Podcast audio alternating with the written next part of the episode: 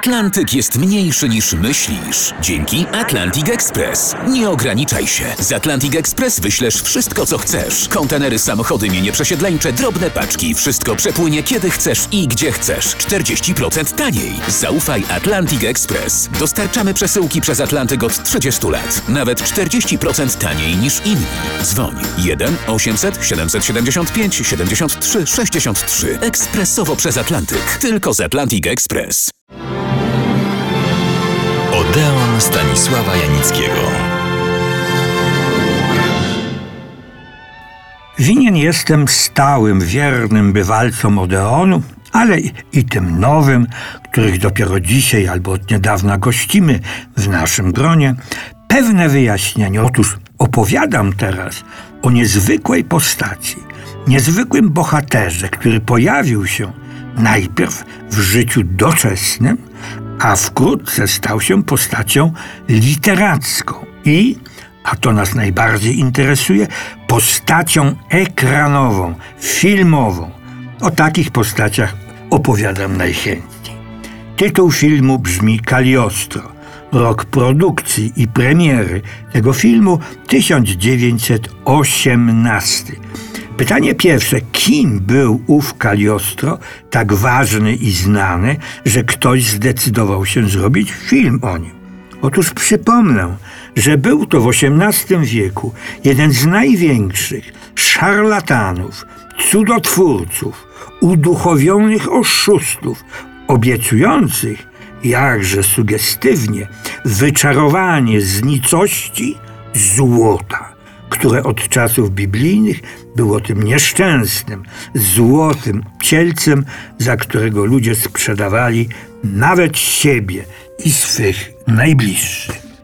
Na początku Cóż za klasyczna droga? Już wtedy najpierw była książka. Pozwolę sobie przypomnieć, że na razie jesteśmy w wieku XVIII, która zrobiła taką furorę, że filmowiec uznał na początku XX wieku, że jest to świetny materiał na film. Najpierw, kto jest autorem tej bestsellerowej książki, która posłużyła za materiał podstawowy? Autorem pierwszej książki o Cagliostro jest Vincente Salias, lekarz i pisarz, ceniony i czytany wtedy w Wenezueli. Musiał to być ktoś, skoro jest autorem hymnu Wenezueli. A kto ten film na podstawie tej książki zrealizował? Nasz rodak, Władysław Starewicz.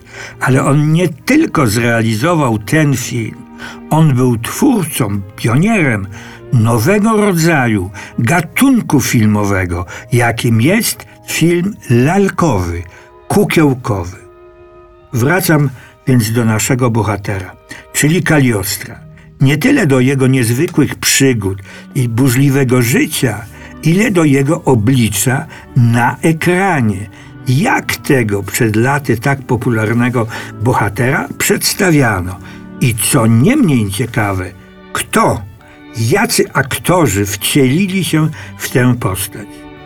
Filmem zasługującym na uwagę jest Cagliostro z 1975 roku, którego reżyserem był Daniele Pettinari. Charakterystyczne dla tego filmu jest to, że jego twórcy położyli akcent na tę cechę hrabiego Kaliostro, która charakteryzowała i innych bohaterów, ale najczęściej ludowych, którzy stawali po stronie biednych, prześladowanych, gnębionych. I nagle Kaliostro, ten awanturnik, człowiek interesu, zostaje przedstawiony jako obrońca ludu, niczym Janosik. Inne a było ich sporo, wersje filmowego Kaliostra dostosowane są raczej do znanych aktorów, nie do oryginalnej postaci. Najgłośniejszymi były kreacje mistrza nad mistrzami, czyli Orsona Wellesa w filmie Czarna Magia z 1949 roku.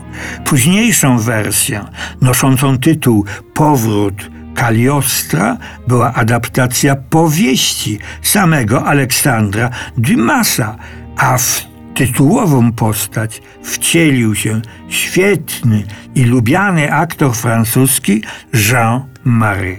W tym samym czasie pojawiła się też wersja ze znakomitym i bardzo popularnym aktorem niemieckim Kurdem Jürgensem, a w roku 2003 wieszczono powrót Kaliostra i puenta.